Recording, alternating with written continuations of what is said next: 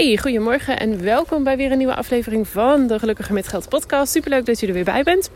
En vandaag wil ik een uh, iets persoonlijker verhaal delen. Of althans, ik wil je uh, meenemen in iets uh, wat voor mij op dit moment speelt.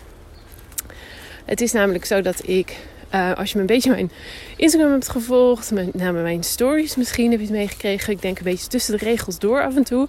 Maar ik ben bezig met een shift um, van ik zou niet willen zeggen financiële zekerheid. Want ja, uh, maar goed, meer financiële zekerheid, namelijk meer financiële onzekerheid, om het zo maar even te zeggen. Ik uh, ga namelijk mijn, uh, ja, een shift maken binnen mijn, binnen mijn ondernemer, ondernemerschap, om het zo maar te zeggen. En ik dacht, ik neem je daarin mee. Misschien vind je het leuk om te weten hoe ik het aanpak. En um, de illustratie, dus absoluut niet omdat dit de enige manier is uh, er is ook natuurlijk geen goed of fout. Maar ik uh, neem je mee in hoe het werkt voor mij. Hoe het binnen mijn omstandigheden en situatie... Uh, ja, hoe ik het aanpak, om het zo maar te zeggen. En nou, ik hoop dat je het leuk vindt. Dus bij deze welkom bij de Gelukkiger met Geld podcast. De podcast voor ondernemers die meer inzicht willen in hun financiële situatie. En willen groeien naar meer financiële zekerheid en vrijheid. Nou, um, waarschijnlijk weet je het wel als je al vaker hebt geluisterd. Maar ik geef toch even een korte introductie. Um, ik ben in eind 2011 ben ik um, mijn eigen onderneming begonnen. Dat heb ik samen met mijn uh, man gedaan. In Spanje hebben we onze eigen talenschool opgezet. Mijn man komt uit Schotland. Ik kom dus uit Nederland. En we zijn... Uh, nou, wij wonen al heel lang in Spanje en uh, wij zijn toen in 2011 met onze eigen talenschool begonnen. Die hebben we nog steeds. Um, daar uh, zijn we ook echt actief nog in. En um, ik ben uh, eigenlijk pas begin dit jaar, begin 2022, sorry, ben ik echt uh, begonnen ook met mijn tweede bedrijf, Ingehol Coaching. dat is natuurlijk gericht op een stukje geldcoaching voor ondernemers. Dus dat is een tweede bedrijf wat ik erbij run. En um, nou ja, dat erbij runnen uh, dat past niet meer zo. Ik wil dat namelijk mijn hoofdactiviteit gaan maken. En ik ga dan ook mijn werkzaamheden binnen onze talenschool in de komende maanden echt drastisch afbouwen. Nou, um, ik hou het wel aan. Ik blijf er ook wel in werkzaam. Maar wat ik eigenlijk met je wilde delen, en ik weet wel dat het niet precies hetzelfde is als van loondienst gaan naar zelfstandig ondernemer. Want ik ben per slot van rekening al zelfstandig ondernemer. Um, ik heb natuurlijk al, ik ben al heel lang uit loondienst. Um, maar um, die talenschool, ik ben daar, dat is een BV, ik ben daar werknemer. Dat is natuurlijk een veel grotere organisatie dan, dan een eenmanszaak, om het zo maar te zeggen. Oh. Ik moest weer eens even mijn hond terugroepen. Ik had weer een andere hond gespot. Um, Even denken hoor. Ja, dus dat is een veel grotere organisatie. En daar krijg, heb ik veel meer financiële zekerheid. Ik eh, ben daar gewoon in. Ja, eigenlijk ben ik daar gewoon in loondienst. Dus je kunt het een beetje zo vergelijken. Natuurlijk is het niet helemaal hetzelfde als je ondernemer bent. Maar um, zo werkt het eigenlijk. Daar zit ook een stukje van mijn weerstand op. Um, ik wil graag niet meer uh, op die manier werkzaam zijn. Maar goed, dat is een heel ander verhaal. Maar goed, uh, misschien wel herkenbaar, want ik, ik, ik um, spreek natuurlijk ook wel vaker ondernemers die misschien zelf ook nog voor een deel in loondienst um, zijn. Um, en daarnaast een onderneming runnen. En hoe maak je nou die transitie van in loondienst zijn en um, toewerken naar ja, uit loondienst gaan natuurlijk en volledig zelfstandig zijn? Hoe maak je die transitie uh, op financieel vlak? Ik denk dat dat natuurlijk nou ja, een belangrijke is, want dat is natuurlijk mijn, uh, mijn ding. maar er is ook nog wel een ander vlak en die wil ik ook wel echt meenemen. En dat is toch wel het stukje ja, emotioneel, mindset, psychologisch, hoe je het ook wil noemen. Um, en dat ook weer naar aanleiding van een gesprek dat ik had afgelopen. Even kijken, was het deze week? Volgens mij was het deze week dat ik een masterclass gaf. Ja, ik gaf een masterclass voor Business Club. En dat was deze week een gesprek wat daaruit voortkwam. Um, dus goed, die, ik begin meteen even met die. Want anders ga ik die straks vergeten. Want ik vergeet nooit over geld te praten. Maar ik kan wel eens vergeten om over, over uh, dingen als mindset of, of nou ja, wat dan ook te praten. Dus ik begin even met die. Um, en ik denk dat het heel belangrijk is om inderdaad dus een financieel plan te hebben. Daar gaan we het zo over hebben. Maar ook om het gesprek met een partner echt actief te houden. Ehm, ik zeg met een partner, ik moet daar wel aan toevoegen, ook met jezelf. En dat je voor jezelf echt weet wat de consequenties zijn van een aantal dingen. En ik geef even een heel specifiek voorbeeld namelijk. Um, het gesprek wat ik eerder van deze week had, dat ging er ook over dat deze dame in kwestie um, zich toch wel ongemakkelijk voelde. Um, en ik denk voor een deel schuldig naar haar partner toe, omdat zij minder kon bijdragen aan de gezamenlijke rekening.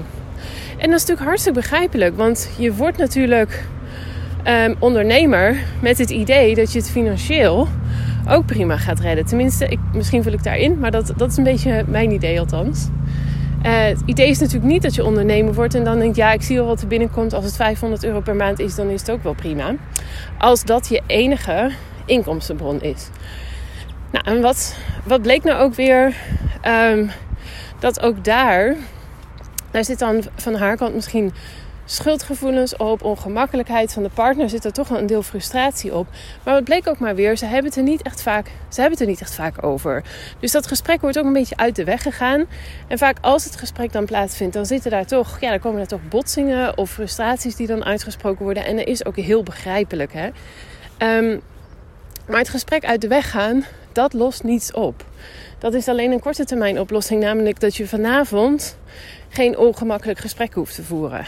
Of uh, dat er geen ruzie ontstaat. Maar lange termijn is dat natuurlijk niet een oplossing. En ik weet dat dat heel makkelijk gezegd is. En ga het maar eens een keer doen, dat snap ik. Maar ik denk toch dat het ook belangrijk is om daar te onthouden dat ja, de eerste keer, de tweede keer, de derde keer zullen echt niet superleuke gesprekken zijn. Zullen niet de leukste gesprekken zijn in jullie relatie. Maar hoe vaker je het doet, hoe makkelijker het wel echt wordt. En dan vraag je je misschien af, ja maar Inge, hoe vaak moet je zo'n gesprek dan hebben? Is één keer per kwartaal genoeg? Dat was een suggestie. Um, ja, dat is natuurlijk niet één antwoord op.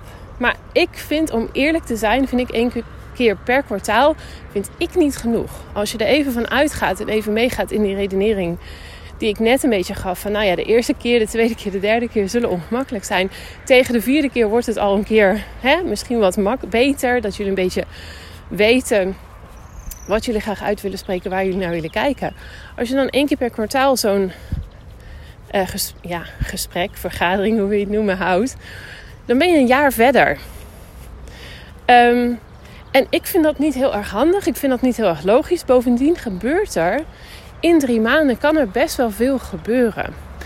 Dus ik ben veel meer voorstander om dat veel regelmatiger te doen. En heb je daar echt structuur daarvoor nodig, dan zou, dan zou ik zeggen één keer per maand. En dat klinkt misschien heel vaak. Um, maar dat betekent niet dat het meteen een gesprek van drie uur elke keer hoeft te zijn. Het kan best zijn dat het één keer per kwartaal een langer gesprek is. Dat je echt even een deep dive doet in jullie financiën, waar jullie heen gaat, financiële plan.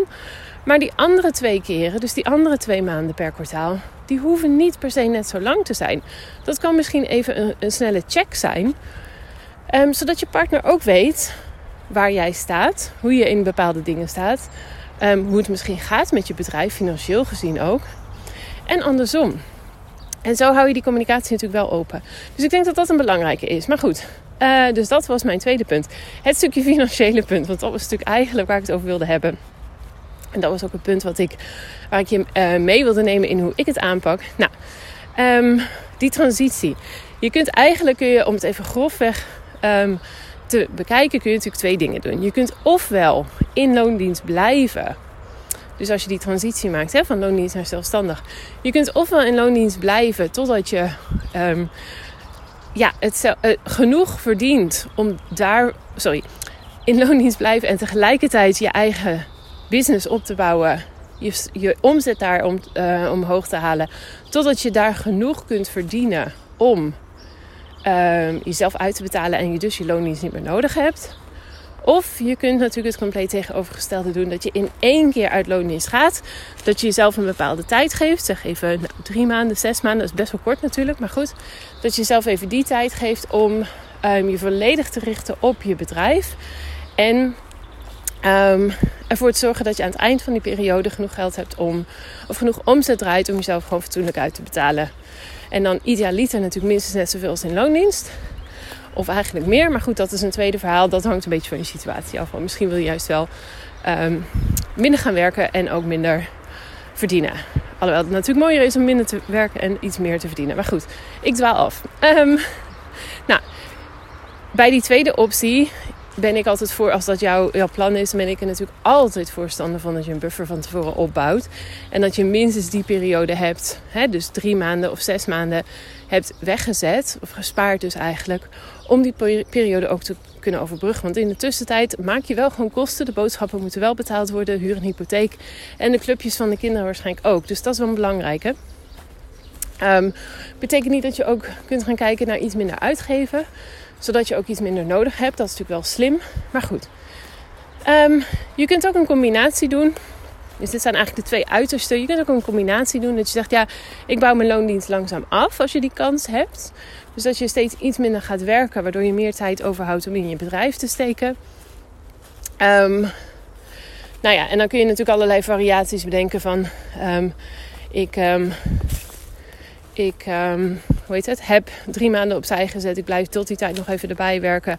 Zodat ik ook nog wat extra kan opbouwen. Nou, bla bla bla. Dat, um, dat kan allemaal. Maar goed, dit zijn eigenlijk de meest uh, gewone opties. De meest voorkomende opties. Nou, waar ben ik nou mee bezig? Want daar ging het uiteindelijk om. Ik ben dus een loondienst in mijn eigen bedrijf, in mijn BV. Ik ben talenschool. En um, ik ben dat ja, ik zeg wel steeds aan het afbouwen, ik ben dat eigenlijk helemaal niet aan het afbouwen. Uh, in mijn hoofd ben ik het alleen aan het afbouwen. Op dit moment doe ik alles nog compleet erbij. Dus ik werk op dit moment vrijwel voltijds in mijn BV. En ik doe ook al het stukje geldcoaching erbij. Dat is niet per se de ideale situatie. Ik zou dat niet per se zo aanraken, aanraden, sorry. Want het is ontzettend veel werk. Um, er blijft even ontzettend weinig of niet geld, tijd over. Ehm, maar dat komt voor een deel ook uh, vanwege de manier waarop onze, ja, onze, onze BV eigenlijk runt. Um, ik kan daar niet zomaar midden in het jaar wegstappen. Of nou ja, kan natuurlijk altijd. Maar ik heb uh, ook een verantwoordelijkheid naar die BV toe, naar mijn team, naar onze klanten. En met name, en dit is eigenlijk wel de belangrijkste voor mij. En deze linkt ook weer met die allereerste, met dat stukje mindset of emotionele um, commitment en hoe je daarin staat. Met name de verplichting. Uh, of de verantwoordelijkheid, beter gezegd, naar mijn partner toe. Want wij zitten daar samen in. Hij is er niet per se een mega fan van dat ik um, een beetje uit, dat, uit die BV weg ga stappen. Want hij vindt het super tof om het samen te doen. En dat snap ik ook wel. Maar het is niet langer mijn roeping. Mijn roeping is nu het stukje ja, geldcoach zijn voor ondernemers. Dus dus hij is er niet mega fan van, maar hij snapt het wel. Maar ik, als ik midden in het jaar stop, want wij werken met schooljaren. Uh, we hebben namelijk ook uh, iets van 200 families die bij ons gewoon van september tot juni Engelse lessen volgen, zeg maar. Uh, vele families zijn er bij ons echt al jaren. Dus uh, dat heeft enorme consequenties. Niet alleen voor onze klanten en voor ons team, maar met name ook voor de manier waarop mijn partner daar dan in zou komen te staan. En dat is niet oké. Dat is niet oké met uh, wat hij wil. En dat is absoluut ook niet oké met wat ik wil en de persoon die ik wil zijn. Um, dus dat, ja, die is voor mij heel erg belangrijk. Maar, wat ik al zeg, als je in loondienst bent, um, dan heb je op een andere manier verantwoordelijkheid. Um, je, bent, je hebt altijd verantwoordelijkheid. Je hebt altijd verantwoordelijkheid naar je, naar je eventuele klanten of je collega's, maar ook naar je managers toe. Tenminste, dat is mijn overtuiging, ook naar het bedrijf toe. Maar je kunt daar vaak op een andere manier in staan. Er zit waarschijnlijk meestal niet de relatie met een partner in. Nou, al dat soort dingen. Um, dus ik denk dat dat, uh, wat ik zeg, als het enigszins kan en het hoeft niet. Um, denk dan aan jezelf. Neem dan ook tijd voor jezelf. En realiseer je dan ook dat zolang jij in volledig in loondienst blijft. En alle andere dingen ernaast blijft doen. Bijvoorbeeld een gezin, huishouden, uh, hobby's, dat soort dingen. En je bouwt een business op. Dat vraagt wat van je. En dan heb je dus echt um, wel een tijdje een doorzettingsvermogen nodig. En dat betekent niet dat het niet kan, want ik ken genoeg mensen die het ook zo doen. Maar, maar nogmaals, het vraagt gewoon iets van je. Dus ja, eigenlijk in mijn mening zou het bijna ideale zijn als het financieel kan om dat langzaam af te bouwen. Maar goed, even dat uh, terzijde. Ik zie het daarnaast wel echt als een uitdaging uh, om deze twee te kunnen combineren. Ik zie het ook als een test voor mijn eigen uh, motivatie en um, overtuiging om dit uh, waar te gaan maken. Dus dat is ook helemaal prima. Maar er zit ook wel een eindpunt aan. Namelijk, en dit is deel 2, dus op dit moment doe ik allebei samen. Dat betekent ook dat ik mezelf op dit moment vrijwel niet, maar je moet ook even een paar podcasten terugluisteren over uh, jezelf uitbetalen. Dus vrijwel niet, wat dus niet betekent niet, uitbetaal vanuit mijn uh, coachingonderneming. Ik ben daar namelijk een buffer aan het bouwen, want in september ga ik hem dus compleet omdraaien. En gaat mijn, um, verdwijnt mijn loon vrijwel geheel vanuit mijn talenschool. Uh, ik, ik uh, ga daar wel dingen doen, maar dat gaat meer op commissiebasis worden. Dan krijg ik nog maar ontzettend kleine bijdragen. Um, om een aantal maandelijkse kosten te compenseren die ik heb. Um, vanuit, mijn, vanuit mijn BV. En verdwijnt dus vrijwel geheel mijn salaris daar. Um, die commissie ja, die hangt natuurlijk af van hoe dingen gaan. Bij ons is het zo, we doen veel, groot gedeelte van onze activiteiten zijn schoolgroepen die uit het buitenland komen. Dus dat heeft twee jaar stilgelegen. Dus er is natuurlijk het risico dat als we dadelijk weer in een of andere lockdown gaan, of er komt weer een nieuwe variant en scholen mogen niet reizen, dat die commissie die is voor mij dus ook heel onzeker. Dus ik ga daar maar niet van uit voor de makkelijkheid. Dat betekent dus dat alles opgevangen moet worden bij um, binnen dit bedrijf. Dus vandaar dat is voor mij die transitieperiode. En dat is voor mij um, de reden dat ik nu dus alvast een buffer daar aan het opbouwen ben. Um, binnen dat bedrijf. Zodat ik al een, een stuk salaris daar voor de eerste tijd weg heb gezet. Ik weet echter ook dat zeer waarschijnlijk um, ik in het allerbegin nog um, niet altijd mijn omzet zou kunnen voorspellen. Dat weet ik gewoon. Ik weet dat daar. Um, ik ben daar nog niet lang genoeg bezig om echt te kunnen zeggen: Nou, gegarandeerd haal ik altijd deze omzet. En dat betekent dat ik altijd deze minimum, dit minimum salaris aan mezelf kan uitbetalen. Dus ik heb wederom een deel spaargeld. Wat specifiek hiervoor opzij staat. Wat echt voor mij een buffer is voor het geval ik inderdaad in het allerbegin um, nog een beetje ja, daarvan uh, moet um, snoepen. Laten we het zo zeggen.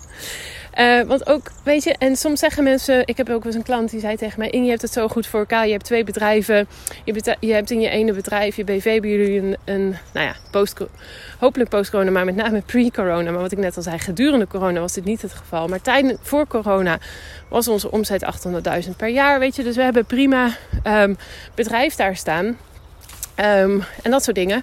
Maar de financiële zekerheid, daar heeft iedereen mee te. Sorry, financiële onzekerheid, daar heeft iedereen mee te maken. En die wilde ik wel echt even met je meegeven. Het is niet zo dat Um, en ook dit hoor ik wel vaker. En dan kun je het vergelijken met als klanten zeggen van... oh, ja, weet je, als ik een omzet draai van 5000 of 8000 of 10.000 per maand... dan, weet je, dan kan ik al deze dingen wel doen. Dan kan ik wel mijn pensioen gaan regelen. Dan kan ik wel geld opzij zetten voor dit, dit en dit. Zo werkt het gewoon niet. Iedereen heeft te maken met financiële onzekerheid... met uh, financiële verplichtingen, met een aantal kosten die er gewoon altijd zijn... En het is mijn overtuiging dat iedereen, ongeacht haar situatie, dus ja, ook een geldcoach die twee ondernemingen heeft, moet gewoon plannen en vooruitkijken. En moet gewoon gaan zitten en ervoor zorgen dat je weet hoe jij eventuele situaties bepaalde consequenties kunt gaan opvangen. Oké, ik kan hier nog heel lang over doorpraten. Ga ik niet doen, want ik ben op het einde gekomen van mijn wandeling en mijn hond moet aangeleid worden. En wat water drinken, dus dat ga ik nu doen. Ik bedank je heel erg voor het luisteren. Um, ik ben natuurlijk zoals altijd razend benieuwd wat deze aflevering voor je heeft gedaan. Ik hoop dat je hem interessant vond. En uh, dat hoor ik graag, met name op Instagram gelukkige.met.geld kun je me vinden. En uh, dan hoop ik dat je er bij een volgende aflevering weer bij bent. Oké? Nou, sowieso een hele fijne dag en um, tot de volgende. Doei doei!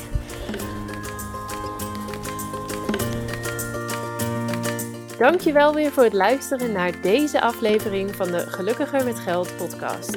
Ik hoop dat je er heel veel waarde uit hebt kunnen halen. En ik zou het dan ook super leuk vinden als je deze aflevering kunt delen op Instagram.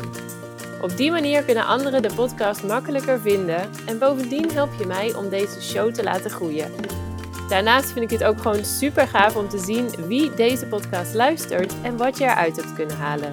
Dus deel hem op Instagram en tag mij dan met gelukkiger.met.geld.